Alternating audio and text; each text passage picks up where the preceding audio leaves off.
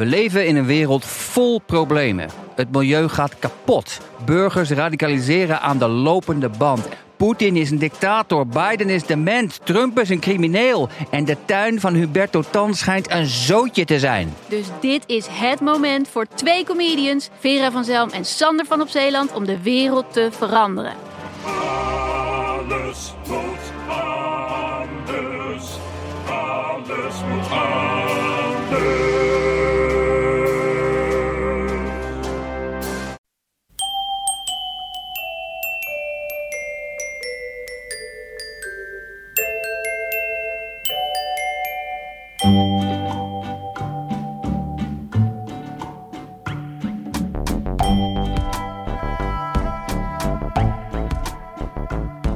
Welkom bij aflevering 210 van Echt Gebeurd. De podcast waarin waargebeurde verhalen worden verteld door de mensen die ze zelf hebben meegemaakt.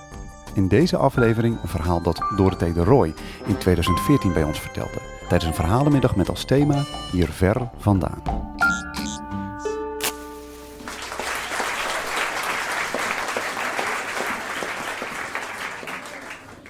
Eh, drie jaar geleden leidde ik een heel keurig juppe bestaan. Eh, ik had een goede baan. Ik was advocaat bij een groot kantoor en daar werkte ik op de afdeling M&A, fusies en overnames. En eh, dat hield in dat ik dus altijd strak in pak met knellende panty eh, hele dagen, lange dagen daar moest werken. En ik had een vriend waar ik heel blij mee was. We woonden ook al een paar jaar samen in een heel leuk huisje midden in Amsterdam. Ik had eigenlijk gedacht dat ik op dit moment in mijn leven misschien wel met hem getrouwd zou zijn of een kind zou hebben. Maar daar dacht hij anders over. Dus dat ging uit. En daar was ik toen heel erg kapot van. Maar ik bleef wel gewoon werken en die lange dagen maken. En eh, nou, ik was heel verdrietig, veel aan het huilen. Dus ik wist ook niet precies waar dat van kwam. En maar door blijven werken. En tot ik merkte dat ik me steeds minder goed kon concentreren. En hele tijd aan mijn haar aan het trekken was. En allemaal rare zenuwtrekjes kreeg. Naast het huilen en me ongelukkig voelen. En toen ik op een gegeven moment ook eh, mailtjes van drie regels niet meer begreep en daar twee uur mee bezig was en alleen maar kon denken, ik wil die kast van de muur trekken, ik wil die kast van de muur trekken en door de kamer heen gooien. Eh, toen bleek dat ik een burn-out had. En toen stond mijn hele leven echt even op zijn kop. En ehm, eh, werd alles anders. Toen ben ik weer bij mijn ouders gaan wonen op mijn 29ste. En daar ben ik eigenlijk een jaar zo goed als fulltime gebleven. Dus dat was heel apart. Ik, eh, ik weet, in die tijd werden ongeveer al mijn vriendinnen ten huwelijk gevraagd of kregen kinderen. En ehm, ik zat de hele tijd bij mijn ouders thuis in het dorp. En een van de meest eh, voor mij deprimerende herinneringen daaraan was oud en nieuw 2012, 13. Dat ik nog weet dat ik tussen ze in zat op de bank ehm, naar Joep van het Hek te kijken met z'n drieën. En mijn ouders halverwege besloten dat ze het niet zo'n goede conferentie vonden en weer de krant gingen lezen beneden. Ik daar alleen zat. En toen was het, werd het 12 uur en nou ja, ik dacht, nou, dan sta ik maar op en ga ik naar buiten kijken naar het vuurwerk. Maar ik stond voor, een, voor het glazen raam en het was een reflectie, want het was buiten donker. Dus ik zag alleen mezelf. Dus ik zei, nou, kan naar buiten gaan, kan het ook niet doen. Dus om tien over twaalf lag ik toen eh, in bed. Een tijdje later kreeg ik toch weer een nieuwe baan. Ging bij een klein advocatenkantoor werken. En dat zou dan wel eh, heel anders zijn. En ik dacht, nou, mooi, dan, dan krijg ik mijn leven weer op de rit. En ehm, deze tijd afsluiten. Maar voordat ik dat ga doen, wil ik eerst nog even gewoon heel ver weg en in mijn eentje op reis. En nadenken over de afgelopen periode. En, en gewoon confrontatie met mezelf aangaan, ergens heel ver weg alleen. En toen heb ik een reis geboekt naar Bali, waar ik dan tien dagen naartoe zou gaan. En ik had wel een beetje nagedacht van, nou, wat, wil ik? Ik wil dus graag een beetje reflecteren over de afgelopen periode. En ik wil gewoon eh, goed kijken. Ik had nog een soort lijstje gemaakt met alle laatste dingen waar ik nog aan wilde werken, waar o- op stond. Ik heb laatst even teruggekeken. Angst voor het leven, eh, eh, anxiety, vreedbuien en het gevoel niks waard te zijn. sinds mijn vriend het heeft uitgemaakt. En er stond dan heel zonder ironie achter: is dat opgelost? Vraagteken. Nou ja, daar wilde ik allemaal aan gaan werken. En ik had een vriendin en die was ook net naar Bali geweest. Die zou een week gaan naar een hele bijzondere ashram. En die stond dan op een magische berg. En daar kwamen allemaal energetische velden samen. En dat was heel bijzonder. En eh, zij was er zes weken gebleven terwijl ze één week zou gaan. En ze vertelde dat er ook mensen waren, het scheen die van kanker waren genezen, die daar waren. Dus ik dacht, nou, kan ik mijn burn-out er ook wel even bij pakken. Ehm, want het was dus een hele bijzondere guru. En die deed, je ging daar niet heen om te mediteren, maar je ging shaken. Eh, dat, is, dat is echt een iets. Dat is een soort meditatie op muziek door te schudden. En dan kom je in een soort andere staat van zijn. En daar gebeuren dan hele bijzondere dingen. Dus had ik echt mijn zinnen opgezet. En je zat met z'n vier op de kamer. Dat vond ik ook fijn, want als het niet zo goed met me gaat, dan heb ik de neiging om heel erg terug te trekken en een soort kluizenaar te worden. Dus ik dacht, op deze reis moet ik ervoor zorgen dat ik wel onder de mensen ben. Dus um, nou, ik had me daarvoor uh, voor opgegeven. Dan zou ik vijf dagen naartoe gaan. En de andere vijf dagen dacht ik, dan begin ik rustig in een soort klein eco-resortje waar ze heel veel yogalessen hadden. En dan dacht ik namelijk ook, dan kom ik dus met mensen in contact. Want dan kan ik elke dag die lessen gaan volgen. Dan ben ik dus niet alleen, maar het is wel uh, ook een beetje rustig beginnen en lekker in de zon liggen. Nou, dus ik daar naartoe. En ik kwam aan na een reis van heel ver weg, echt de andere kant van de wereld. Ik geloof 18 uur over gedaan. En ik kwam daar aan s'avonds, ik was moe. En ik werd ontvangen door een uh, heel lief mannetje van het hotel. En die zei, uh, ik vroeg aan hem meteen van, nou, waar is de bar? Ik had wel zin in een, uh, in een biertje en gaan beginnen. Zij zei, nou, we hebben geen bar. dus dat was de eerste een beetje teleurstelling. Maar hij vertelde me daarna opgewekt dat het hele resort vol zat en um, met één grote groep uit Korea die hun eigen yoga-retreat daar hadden. Ik was de enige die daar aanwezig was, die daar niet bij hoorde. En zij zouden alles met elkaar doen zonder mij. Ja. Dat is nog niet alles. Want het bleek ook dat het regenseizoen nog niet voorbij was. Dus ik kon in mijn eentje in dat resort niet eens een beetje met een boek in de zon liggen. Maar ik, ik zat binnen in, in, in de regen het grootste deel van de dag of in mijn eentje uh, die yogalessen te volgen. Maar dat was ook minder leuk dan, uh, dan ik had gedacht. En ik moest dus ook steeds alleen eten. En dat gaat je echt opbreken nadat je ontbijt, lunch en dan s'avonds zit je daar weer. Dus dat dacht ik ook na twee dagen later ook maar. Ik, ik neem wel yoghurt met muesli mee naar mijn kamer. En dan ging ik daar met een dvd'tje een beetje zitten huilen. Nou ja, dat was dus deel 1 van de vakantie. Maar deel 2 um, ehm, werd ook anders dan verwacht. Want ik mocht in één keer niet meer naar de ashram, waar ik me zo op had verheugd. Ik had namelijk in dat yoga-resortje waar ik steeds in mijn eentje was, dacht ik, nou dan ga ik misschien maar even een dagje naar Seminyak. En ik weet niet of mensen Bali kennen, maar Seminyak is het hotste, hipste deel van het eiland. En dat wilde ik overslaan. Maar nu dacht ik, god, ja, hier ga ik het ook niet vinden. Ik ga er, ik ga er gewoon naartoe, naar Semiak. En ik vond het eigenlijk heel leuk. En toen dacht ik, weet je, misschien moet ik wat losser in het leven staan. Misschien moet ik gewoon lekker twee dagen daar naartoe. Boeien, ik boek een hotel. Dus ik daar naartoe en uh, ik had al wel een lijstje gekregen van iemand die ik kende met alle hippe dingen die je daar kon doen. Dus die ben ik allemaal afgelopen. Cudeta, Potato Heads en allemaal hele trendy beachclubs waar ik in mijn eentje heb gezeten, uh, zonder aanspraak en hele dure cocktails heb gedronken. Zo was het ook niet. Toen ging ik uit eten in dure restaurants waar ik dus ook alleen zat en echt een beetje met mijn open houding proberen contact te zoeken, maar dat lukte niet.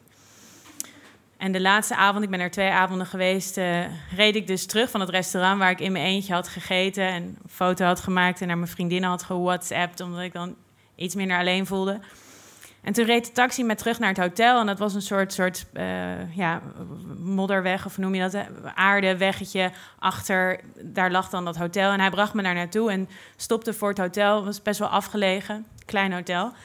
En toen um, wilde ik afrekenen. En toen deed hij in één keer de centrale vergrendeling van de auto erop. Ja, en toen zei hij dat ik ook wel in kisses kon betalen. Ik had mijn raam zo'n stukje open en ik zag mezelf al in paniek zo heel rustig blijven uiterlijk. Maar in, ik zag mezelf al door dat raam heen duiken toen ik tegen hem zei dat ik toch dat niet wilde en met geld betalen. Toen ging hij nog een beetje met me onderhandelen. Ah, jawel, jawel. Nee, in het Engels dan. Pay in kisses. Um, en ik heb echt in dat moment doodsangsten uitgestaan, want het was helemaal donker en er was niemand. En ik heb me nog nooit zo alleen gevoeld en in paniek. En toen deed hij uiteindelijk toch de vergrendeling eraf, lachte uh, om zijn leuke grap die hij met me had uitgehaald.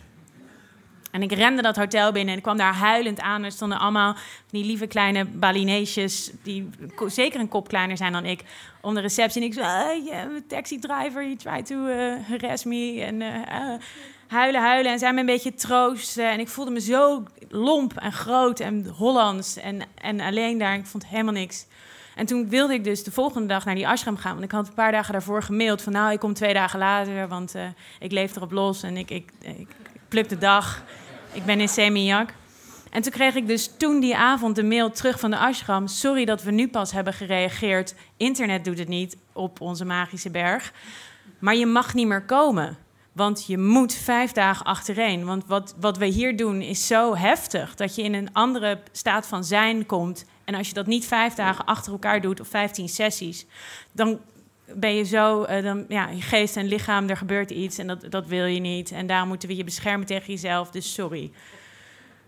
Ja, dus ik zat daar in mijn kamer. Ik had een upgrade gekregen. Ik had een eigen zwembadje ook. Maar in al die wilde alleen bang te zijn voor andere enge mensen die me gingen aanvallen. En ik dacht, wat moet ik nou? Ik kan niet meer naar die ashram. Ik zit hier in Seminyak.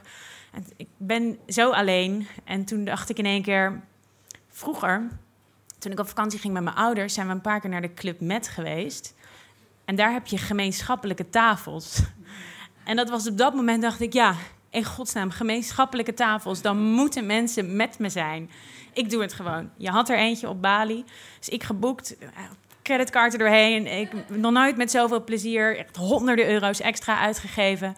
De volgende dag met de, met de taxi daar naartoe. En dan kom je op een, is een deel van het eiland waar de locals niet mogen komen. Dus niks spirituele reis naar Bali. Ik ging gewoon naar zo'n heel eng, uh, hoe noem je dat, reservaat. Uh, waar alles aangeharkt is en groen. Dus ik naar die club met, helemaal blij. Ik dacht, gemeenschappelijke tafels. Ik kom daar, wil daar gaan eten die avond. Wat denk je dat is afgeschaft in de afgelopen tien jaar? De gemeenschappelijke tafels. Dus ik zat er alsnog alleen. En ik keek om me heen en iedereen die er was, uh, was eind 40 met tienerkinderen. Alleen maar families. En overdag bij het zwembad ook zag ik dat ze daar kwamen... omdat je all-in de hele dag kon drinken wat je wilde. De enige andere vrijgezel, echt waar, in die hele club met... was een man van in de 60 die in een karretje door, uh, werd rondgereden... en dan werd uitgeladen bij het zwembad. Dan knikten wij naar elkaar, want we lagen allebei alleen. En dat was het nee, een van de dagen dat ik daar zat, dacht ik, nou ja, ik ga maar even dan het resort uit. Ik ga naar Fins Beach. Dat was mij ook verteld dat dat helemaal je van het was op het eiland. Hele mooie strandtent aan het einde van het eiland. Dan ging je met een kabelbaantje naar beneden. Het echt, ik kan het iedereen aanraden, mits in leuk gezelschap. Kom je daar, de mooiste plek ter wereld. Nou, ik lag daar aan zee en het is heel erg warm. Toen lag ik namelijk wel in de zon. Het heeft niet de hele tijd geregend. Dus ik lag daar en ik wilde eigenlijk wel zwemmen. je had best wel grote golven, heb je daar, en die stroming. Ik dacht, ik, ik heb het zo warm, ik wil heel graag zwemmen, maar ik, ik durf niet te gaan zwemmen. Want als ik het water inga en ik voel dan de stroming en ik ben bang dat ik word meegesleurd, dan moet ik dus om hulp gaan roepen in mijn eentje. Maar stel je voor dat de stroming helemaal niet zo sterk is en ik niet zou verdrinken. Dan zit ik daar wel als een aansteller. Help, help. En dan komt zo'n lifeguard me redden. Dat hij denkt, eh, nou en? En dan loopt hij met me de zee uit. En dat vond ik zo'n gênant idee. Want ik dacht, ja, het alternatief is, ik zeg niks. En ik verdrink, maar dan wel met mijn waardigheid intact. Dus toen dacht ik, nou, dat doe ik maar niet. En ik lag daar met mijn boek en ik had een, een, een pineapple drankje met zo'n parasolletje erin. Ook allemaal veel te feestelijk. En ik lag daar en ik had het zo warm. En ik vond mezelf zo zielig dat ik niet kon zwemmen. Dus ik moest toen een klein beetje huilen. En, uh, maar ik een beetje door proberen te lezen met mijn boekje. Toen kwam er zo'n hele... Want mensen uit Bali zijn heel erg aardig, die ik in ieder geval heb ontmoet daar. Die kwam aan me vragen, de serveerster... Um, oh, oh no, why are you crying, sir? Ik heb lang blond haar. Ik lag in mijn bikini. Dat kon ik er echt net even niet bij hebben. Dus dat hielp niet. Dus uiteindelijk, uh, dit was een beetje de druppel die de emmer deed overlopen. Ik ging toen weer terug naar de Club Met, waar ik wist dat ik die avond weer in mijn eentje zou gaan eten. En um, ik trok het niet meer. Dit was dag 8 van dag 10. En ik dacht, ik wil naar huis. Ik ga kijken of ik een ticket kan vinden. Ik kon mijn ticket dat ik al had gekocht, wat niet gratis was, niet vervroegen. Maar ik kon wel, als ik er 24 uur over wilde doen en via Seoul wilde vliegen en daar 6 uur een layover hebben, kon ik voor 800 euro een nieuw ticket kopen. Um, ik wist niet hoe snel ik ja moest zeggen. Alles in mijn koffer gegooid. Ik moest ook meteen vertrekken. En ik kan je vertellen, op Seoul, waar ik zes uur lang heb gezeten, uh, dat was het hoogtepunt van mijn reis. Ik voelde me daar voor het eerst weer op mijn plek, want ik ging ergens naartoe waar ik wilde zijn ik ben naar Bali gegaan uh, met het idee, ik ga hier mezelf leren kennen en even wat uh, schuddend op een magische berg wat problemen oplossen. En het is anders gelopen dan ik uh, gedacht had. Maar ik had het niet willen missen voor geen goud deze reis. Ik, vrij snel nadat ik terug was, heb ik mijn baan opgezegd. Ben ik gestopt als advocaat. En ben ik gaan doen eindelijk wat ik uh, heel graag wilde. Maar daar vertel ik misschien een andere keer nog wel over. Dankjewel. Dat was het verhaal van Dorothee de Rooij. Dorothee is schrijfster geworden. Ze verblijft momenteel veel in Schotland, waar ze werkt aan een boek over de laatste primitieve samenleving van Europa. Dat boek verschijnt volgend jaar bij uitgeverij Spectrum. Bij Spectrum is onlangs ook een spannend kinderboek van Dorothee verschenen, getiteld De Orde van de Gouden Leeuw. Echt Gebeurd is een verhalenmiddag die elke derde zondag van de maand plaatsvindt in Comedy Club Toemler in Amsterdam.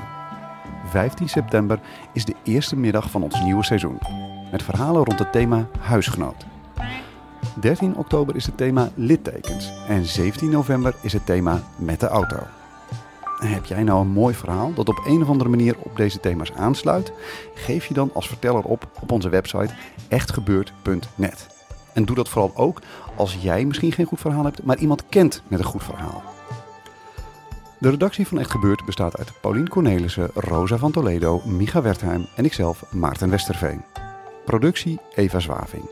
Zaaltechniek voor deze aflevering Nicolaas Vrijman. En de podcast wordt gemaakt door Gijsbert van der Wal. Dit was aflevering 210. Bedankt voor het luisteren. En vergeet niet, voor iedereen die op zijn of haar leven wil reflecteren, het is veel erger dan je denkt. Als je denkt, is het nog erger.